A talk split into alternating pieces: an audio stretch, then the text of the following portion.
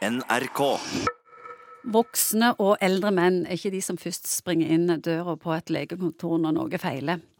De går heller rundt og er litt trøtte og slappe og legger gjerne litt på seg og sover ganske dårlig og får dårlig potens og derfor liten sexlyst og dermed litt deppa. Vi skal snakke om testosteron, Morten Munkvik.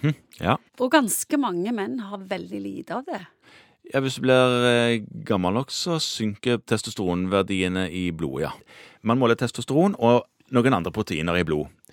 I blod så er testosteron både fritt, som bare testosteron, og så er det bundet til proteiner. Og det er det frie delen av testosteron som er aktivt. Er det som har effekt rundt omkring. Så Derfor er den frie fraksjonen av testosteron det som er poenget. Og dette beregnes på de forskjellige laboratoriene.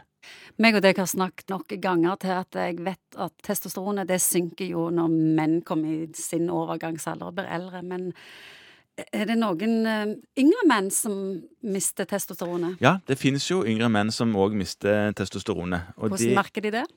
De merker det sånn som innledningen din, og dette vet jo menn. Sant? Som mange kommer jo med det som bestilling. At de er trøtte og slappe, orker mindre enn de føler de Sover dårlig og har dårlig Ja, potens? alt det der, og så sier de mm, kan dette være testosteronet. Og det er klart det kan det være, men da kan det jo være testosteron hos drøyt 50% av alle menn i kongeriket.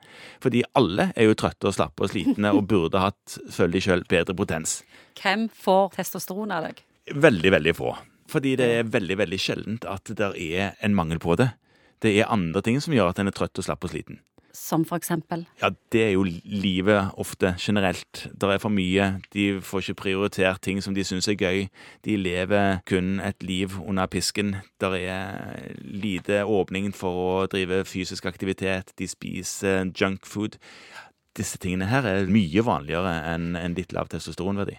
Er det bare fordi at du er gjerrig på testosteron, eller er det farlig å få for mye? For når jeg leser fordelen med testosteron, så kjenner jeg at jeg òg vil ha det. Ja, Muskelmasse, selvtillit, økt virilitet, mer fokusert, humør, bedre hjerte, sterkere beinbygning osv. osv. mindre baller. Oi. Det Det, som skjer hvis du gir det til noen som ikke har behov for det. Ja, men det er jo, altså, små testikler er ikke hovedgrunnen til at jeg avstår fra å gi. Hva er hovedgrunnen? At de ikke trenger det. De har nok egenproduksjon. Men de som trenger det, de skal jo selvfølgelig ha det. Så du vil ikke dope i hytta? Nei, for det er jo neste spørsmål Eller det er jo en annen ting, ikke sant? At de som driver på med idrett på et visst nivå, de kan jo ikke få dette her.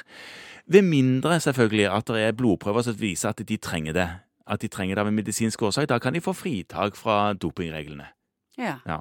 Spesielt de som har testikkelkreft, de har lavt testosteron. Stemmer det? Ja, de kan ha det, ja. Fordi at testosteron lages i noen celler som er i testiklene, som kan gå litt fløyten når du får kreft. Og de får testosteron. De får testosteron. Men siden du spør om kreft, så er det jo mange av de eldre mennene som har hatt prostataproblemer. De er noen ganger litt engstelige fordi at de har hørt at fordi de får behandling for prostataen sin i form av antihormoner, altså ting som er, virker mot testosteron. De får en slags kjemisk kastrering. Au. Ja, eh, og det er selvfølgelig problematisk. Men da er de blitt engstelige for om testosterontilskudd Sett at de var prostatafriske, så lurer de da på om testosterontilskudd som de trenger, kan framprovosere en eh, prostatakreft. Gjør det det? Nei, den gjør ikke det. Hvilke måter kan en ta eh, testosteron? Som injeksjon, eller man kan faktisk også få det som en sånn gelé, hvor man smører på en sånn pump.